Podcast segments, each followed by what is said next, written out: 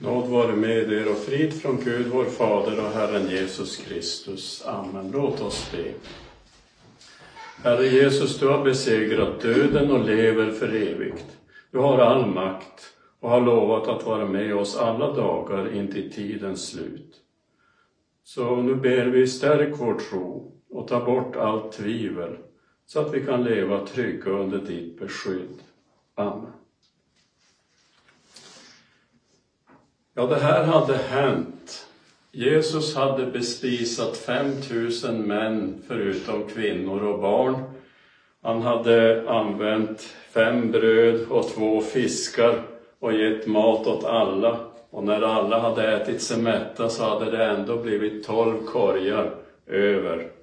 Så Jesus hade med den gärningen visat att han har gudomlig makt och därmed också att han är en gudomlig person.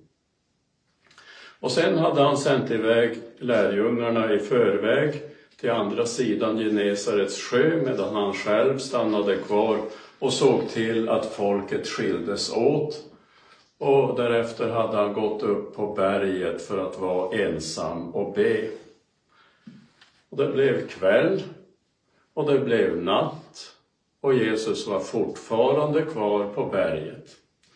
Och under tiden så hade det blåst upp till storm på Genesarets sjö. Och vi får veta att båten blev hårt ansatt av vinden och sjön som låg emot. Lärjungarna fick slita hårt för att hålla uppe båten mot vinden. Så de hade kämpat mot vinden och sjön ett bra tag. Och nu var det redan efter midnatt, det var framåt tretiden. Då kom Jesus till dem. Han kom vandrande på sjön. Och vi vet allihop att enligt naturlagarna så är det här helt omöjligt. Marias son, Jesus från Nasaret, han är en sann människa som vi, med mänsklig kropp och själ som vi. Men han är också sann Gud. Han är Guds son. Och därför står han inte under naturlagarna och blir styrd och regerad av naturlagarna som vi. Utan han står över naturlagarna. Han styr och regerar naturlagarna. Och han har fått all makt i himlen och på jorden och i kraft av sin allmakt så låter han allting tjäna sig. Fem bröd, två fiskar, sjön, vinden. Så han kan gå på vatten även om det strider mot vad en människa förmår. Och när lärjungarna fick se den här gestalten komma till dem på vattnet så blev de förskräckta. Och de drog slutsatsen det är ett spöke och så skrek de av rädsla. I den stunden så kom de inte ihåg vad Jesus hade gjort tidigare på dagen. Att han bespisat 5000 män, förutom kvinnor och barn, med fem bröd och två fiskar.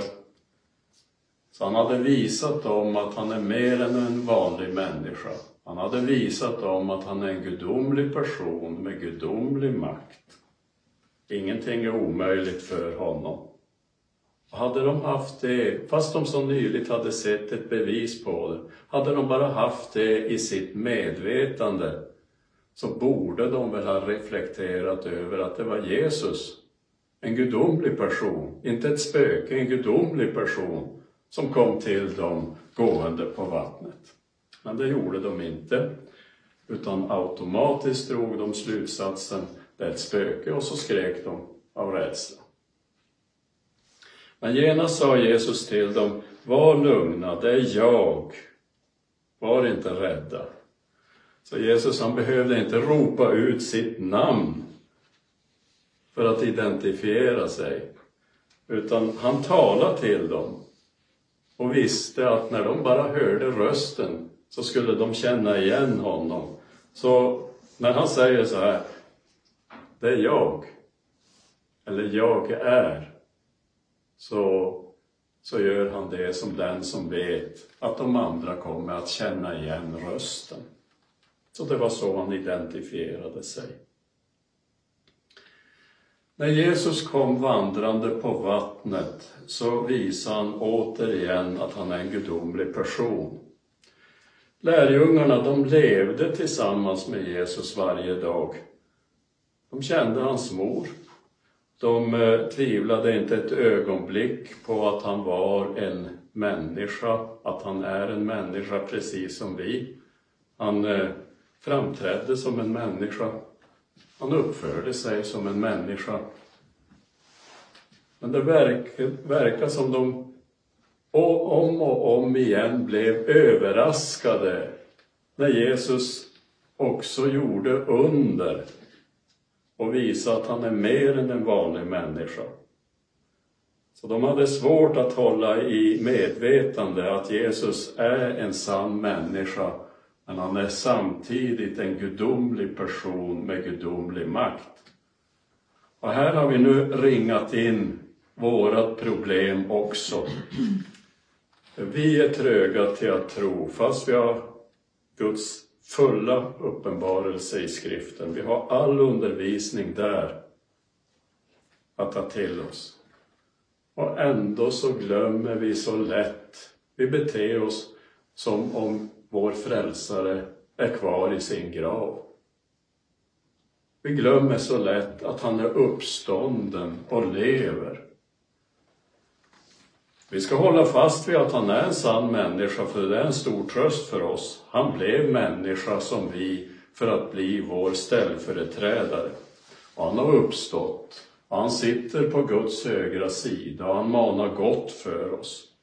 Men vi ska också hålla i vårt medvetande att han är sann Gud, Guds son. Och därför har han gudomlig makt och gör gudomliga gärningar. Ingenting är omöjligt för Gud. Och därför kan vi vara vissa om att han också vill och han kan hjälpa oss i all nöd, precis som han gjorde med lärjungarna. Nu får vi se också här att Petrus, vi, vi lär ju känna honom genom evangelierna och förstå att han var en ganska impulsiv men handlingskraftig person. Så när han fick klart för sig att det var Jesus som kom, då sa han, Herre, om det är du, så befall att jag ska komma till dig på vattnet. Och Jesus sa, kom. Petrus steg ur båten och gick på vattnet fram mot honom och när han såg hur häftigt vinden låg på blev han rädd och började sjunka och då ropade han Herre hjälp mig. Så, så länge Petrus höll fast vid det här lilla korta ordet kom, så gick också han på vattnet. Utan det här lilla ordet, den här befallningen, det här löftet kom, så skulle det ju ha varit helt omöjligt. Utan det var Jesu ord och löfte som höll honom uppe trots naturlagarna. Men när Petrus istället för att hålla fast vid det här lilla ordet kom, började se på sjön och vinden och vågorna och alla faror, så började han tvivla. Och tvivel det är snudd på otro. Och när man inte tror på Guds ord, när man, inte, när man tvivlar på Guds löften och, och, och Guds makt, ja då är man ju hänvisad bara till sin egen makt, till mänsklig makt. Och egen makt är nära nog vanmakt i verkligt svåra situationer. Och Petrus han började sjunka.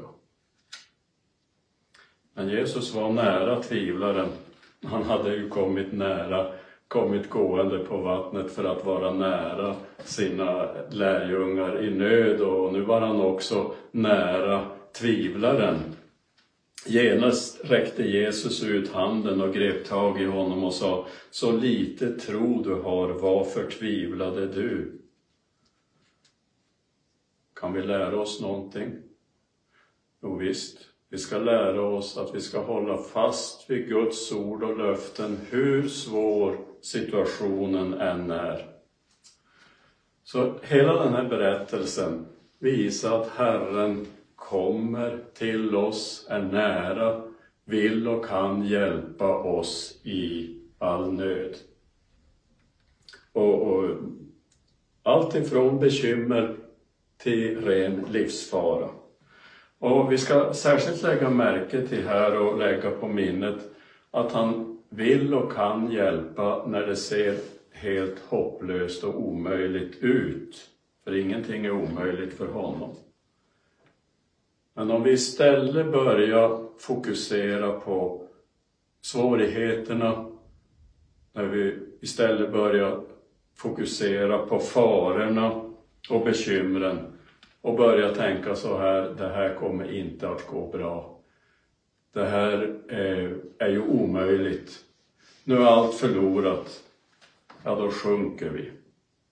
Att tvivla på Guds ord, att tvivla på Guds löften och Guds makt, det är faktiskt det farligaste vi kan överhuvudtaget kan syssla med. Och det kan bli vår undergång. När Jesus dragit upp Petrus så steg de i båten och vinden la sig och de som var i båten tillbad honom och sa Du är verkligen Guds son. Och här har vi ögonvittnenas berättelse.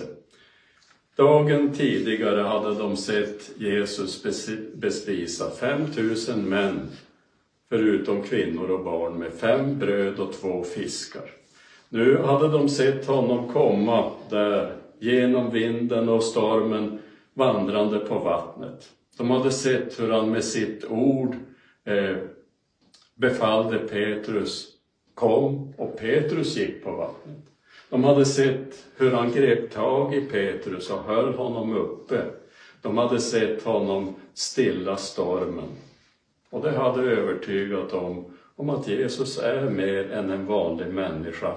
Han är en gudomlig person med gudomlig makt. En person som gör gudomliga gärningar.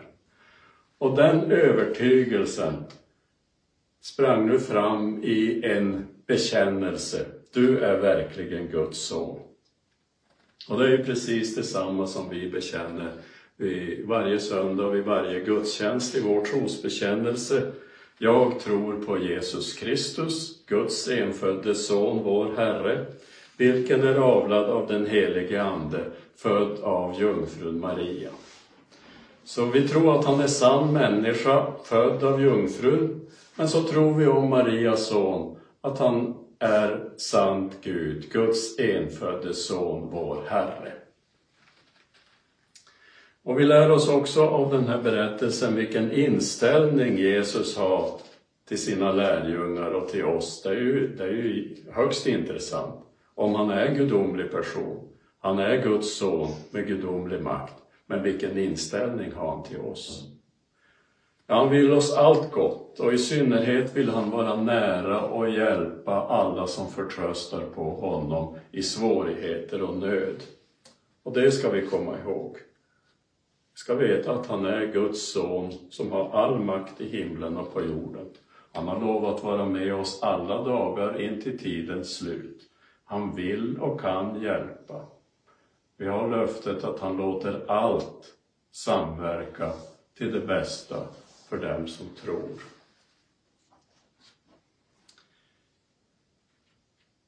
Petrus han fick det här löftet och den här befallningen kom.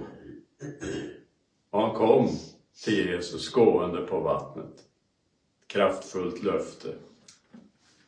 Vi har också fått ett ord, ett löfte att gripa tag i. Och det är ett löfte som vi ska gripa tag i när vi är i bekymmer. För aposteln Paulus uppmanar oss, befaller oss så här. Kasta alla era bekymmer på honom, för han har omsorg om oss. Han har omsorg om er. Eller som det står i en av psalmerna, min hjälp kommer från Herren som har gjort himmel och jord. Och argumentet här är ju, han skapat himmel och jord.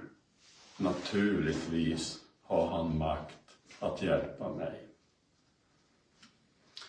Så mot bakgrund av vår predikotext så förstår vi vad de här löftena innebär för oss. Han kommer till oss, precis som han kom till lärjungarna. Han vill vara nära oss i alla svårigheter. Han vill och han kan hjälpa i all nöd. Så kom ihåg det på nödens dag. Ingenting är omöjligt för honom, ingenting är för svårt Så de löftena ska vi hålla fast vid, vi ska lita på hans hjälp. Vi vet hur det ska sluta. Han låter allt samverka till det bästa för dem som är kallade efter hans rådslut. Men om vi inte litar på Guds ord och löften utan tvivlar och tänker så här, det är omöjligt.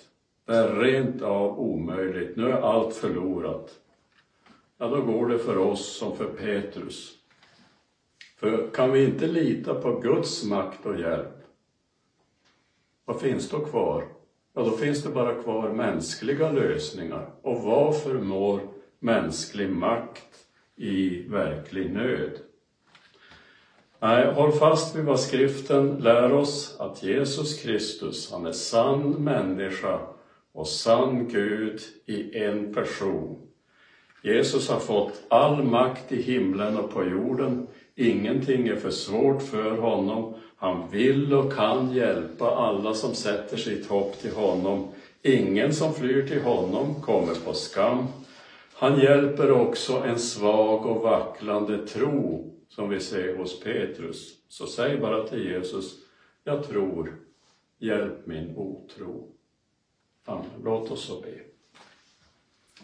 Kära Herre Jesus, lär oss att lita på dig. Du är Guds son som blivit människa för att frälsa oss. Du har all makt i himlen och på jorden och har lovat att vara med oss alla dagar intill tidens slut. När vi är i svårigheter och nöd och när vi är svaga, lär oss då att du älskar oss och låter allt samverka till det bästa för oss, att du har kontroll på allt som sker. Ja, ge oss då din frid. Amen. Så ska vi tillsammans bekänna